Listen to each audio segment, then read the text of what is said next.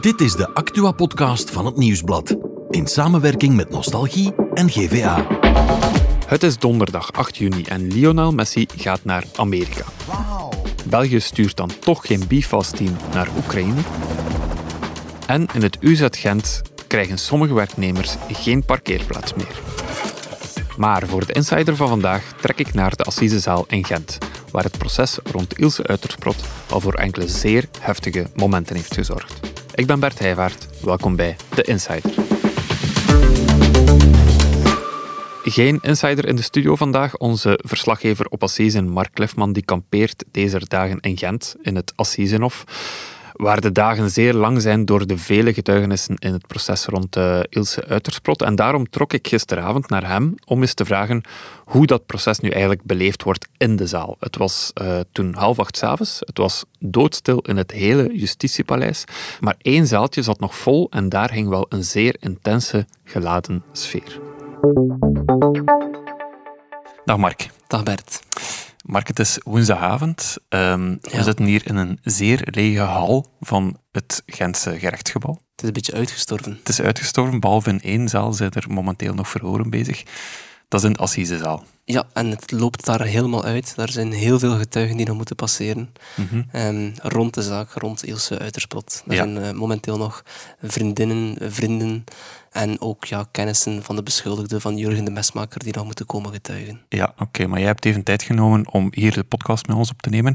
Waarvoor dank natuurlijk, want het is... Veel um, plezier. Ja, procesdag 4, die is afgelopen, bijna afgelopen. Ja, vandaag kondigde zich ook aan als een zeer emotionele dag. Uh, de zonen van Ilse Uitersprot zijn gepasseerd, ook uh, haar ja. mama is gepasseerd. Hoe is dat verlopen? Ja, ik, ik moet wel eerlijk zeggen, dat waren toch uh, getuigenissen die indruk maakten. Allee, ik, heb, ik heb de voorbije twee, drie jaar toch er, ja, een aantal assisezaken gevolgd.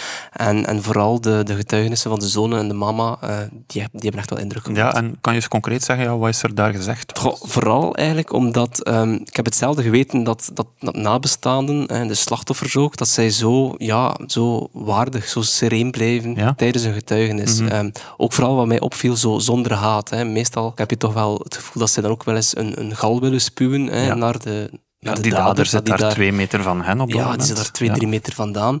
En hier zaten we dus met twee zonen van Ilse Uitersprot. Mm -hmm. hè, twee jonge mannen van 25, 26 jaar. En ja, die staan dan ja, bijna oog in oog met, met de man die hun moeder ja, met, uh, met zes hamerslagen heeft gedood, ja. terwijl ze lag te slapen.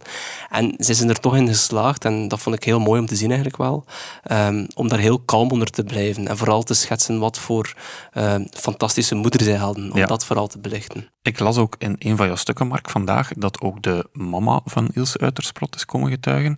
Um, ja, en ze had een briefje bij. Maar het is eigenlijk zo, dus de mama van Ilse Uitersprot, dat is Suzanne Moordgat, dat is een, dat is een vrouw van 85, een zeer, zeer kranige vrouw. Mm -hmm. um, maar ja, ik kan je dat wel voorstellen, zij is haar enige dochter kwijt, dus voor haar is dat verschrikkelijk om, om hier te moeten zijn. Ja. En het was ook de eerste dag dat zij effectief naar het proces kwam luisteren. Ah, dus okay. de voorbije ja. dagen was ze hier nog niet geweest. Maar nu kwam ze dus wel, kwam ze getuigen.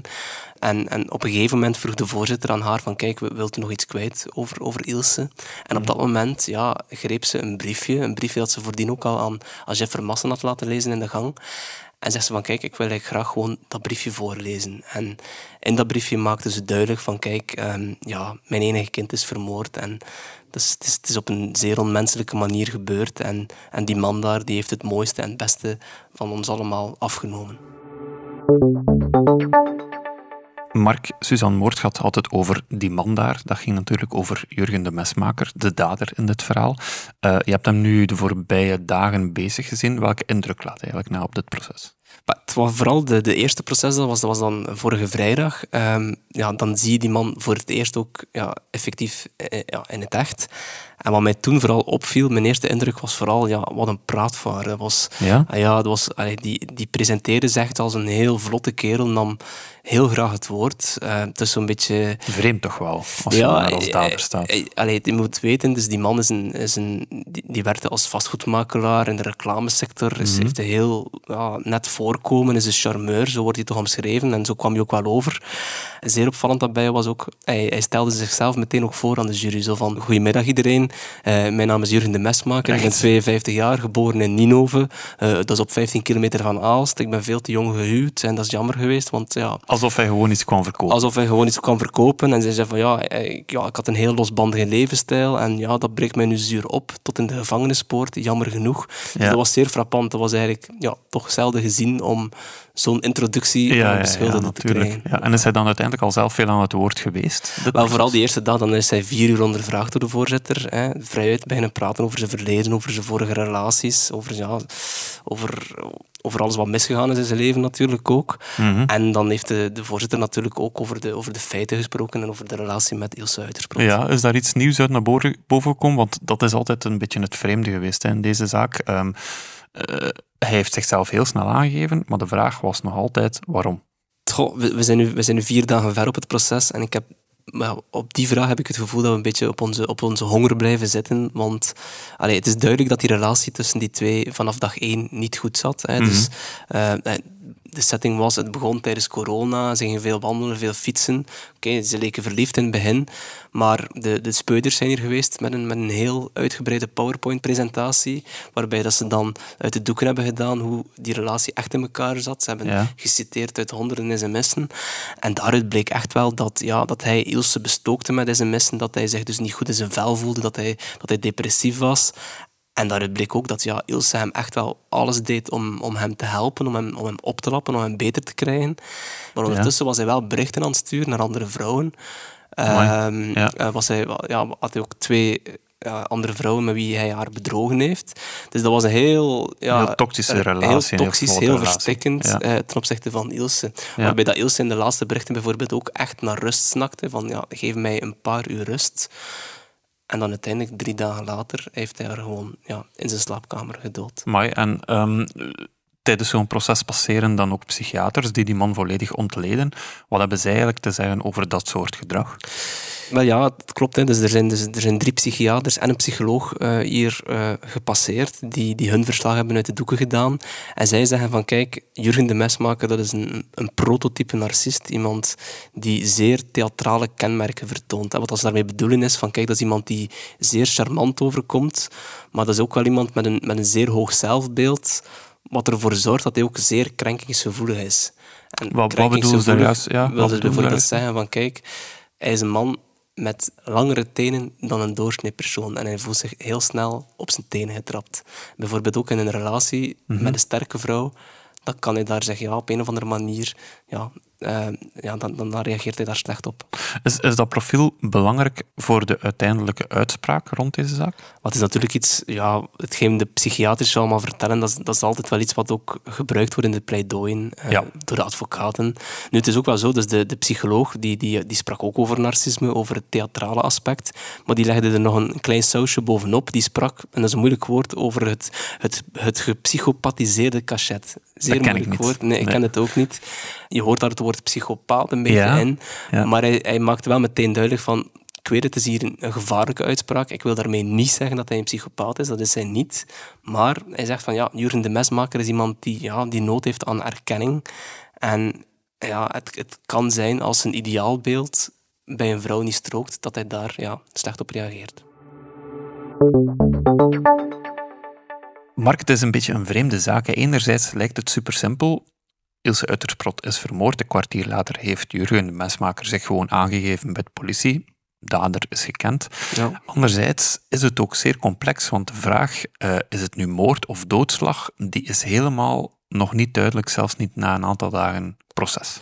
Nee, terwijl je het zegt, hè, de, de, feiten zijn op zich wel duidelijk. Hè. Dus ja, ze zijn naar bed gegaan die avond en dan de volgende ochtend zegt de mesmaker van kijk, ja, om, om kwart over acht ging het alarm op haar telefoon af. En ze heeft dan de wekker uitgezet en is weer in slaap gevallen, maar ze maakte nog een, een soort zucht. En die zucht ja, heeft hem getriggerd, zegt hij. Ja. Daarvan zegt hij van kijk, eh, op dat moment dacht ik dat ze weer ging beginnen ja, zagen, denk ik dan, dat, het, dat, het, dat hij vooral bedoelde. Dan is hij naar die berging gestapt, heeft hij een, een werkkoffer opengedaan. Ze hebben dat hier op het proces ook helemaal voorgedaan. En heeft hij die, ja, die bewuste hamer genomen, is hij teruggestapt en ja, heeft hij gewoon, ja, gewoon uitgehaald. Is het feit dat hij dat zo banaal bijna voorstelt, um, is dat ook een soort van strategie? Want ja, daaruit leid je bijna automatisch af van het is een opwelling geweest, het is uh, niet met voorbedachte raden. Dat is natuurlijk de hele discussie, want um, ja, de advocaten van Jurgen de Mesmaker hebben al vanaf het eerste moment, vanaf de eerste minuut eigenlijk al duidelijk gemaakt, voor ons is er geen sprake van voorbedachtheid. Heeft hij dat mhm. allemaal inderdaad in een impuls gedaan? Hij heeft zelf ook verklaard tijdens zijn ondervraging van kijk, ja, dat heeft dan per 10 tot 15 seconden geduurd allemaal. Het was een impuls.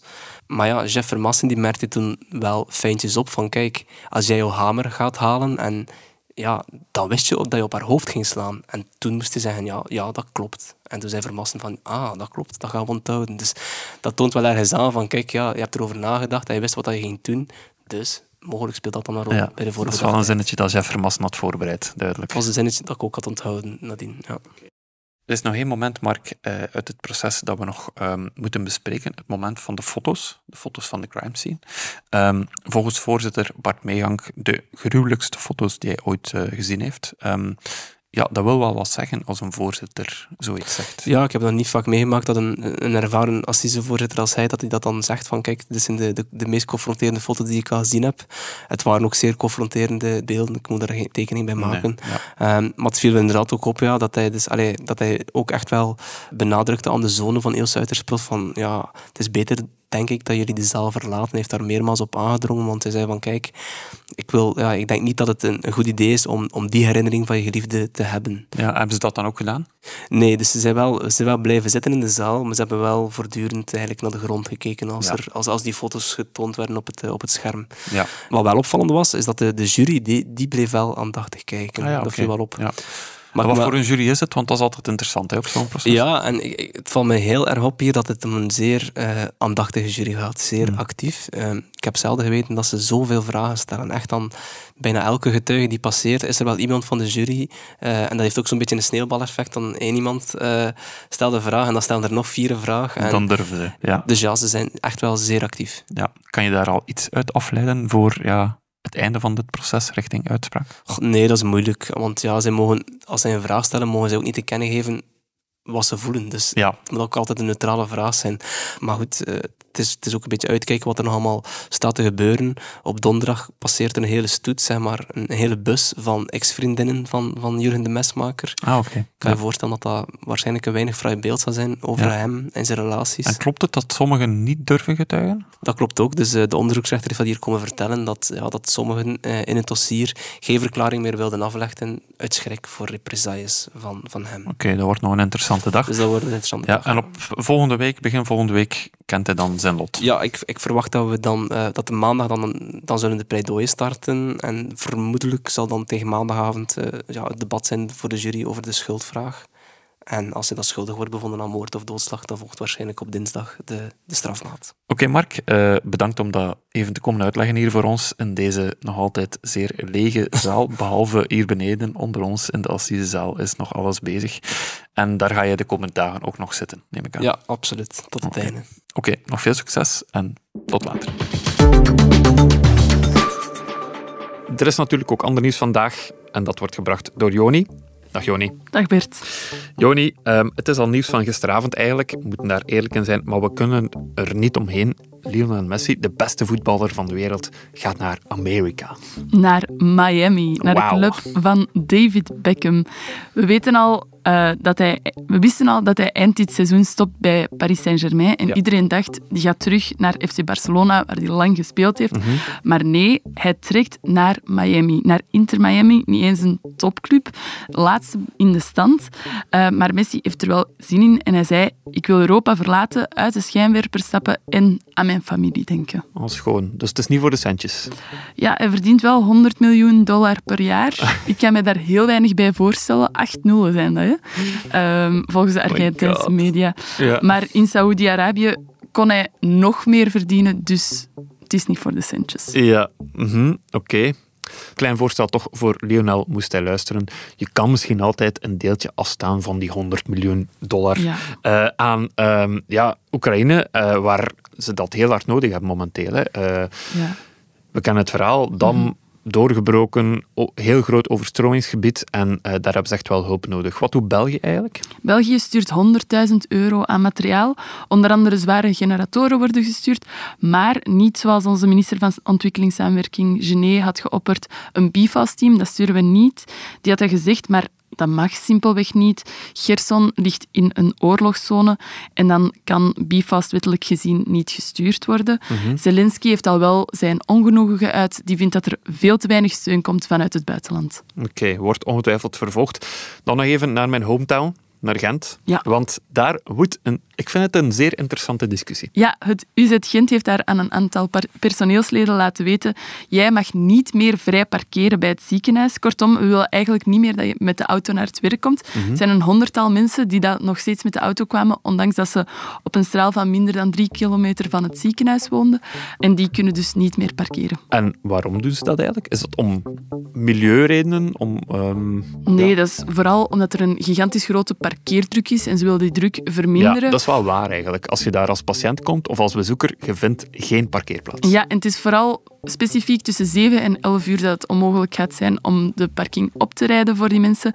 Uh, er zijn uitzonderingen om medische redenen of als er nachtshiften zijn. Maar dus tussen 7 en 11, wanneer dat die mensen moeten werken, gaat het niet meer. Ja, ik vind het wel interessant omdat ik me dan afvraag, ja, mag dat zo? Maar kan je zomaar zeggen tegen een werknemer, weet je wat, jij moet met de fiets komen.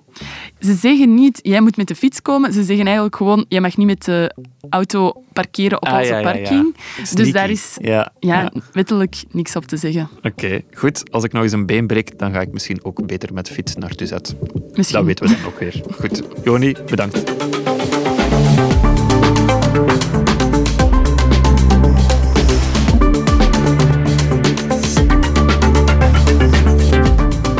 Dit was The Insider, een podcast van het Nieuwsblad in samenwerking met Nostalgie en GVA. De muziek is van Pieter Santens. De montage gebeurde door House of Media. Wil je reageren? Mail naar podcast.nieuwsblad.be.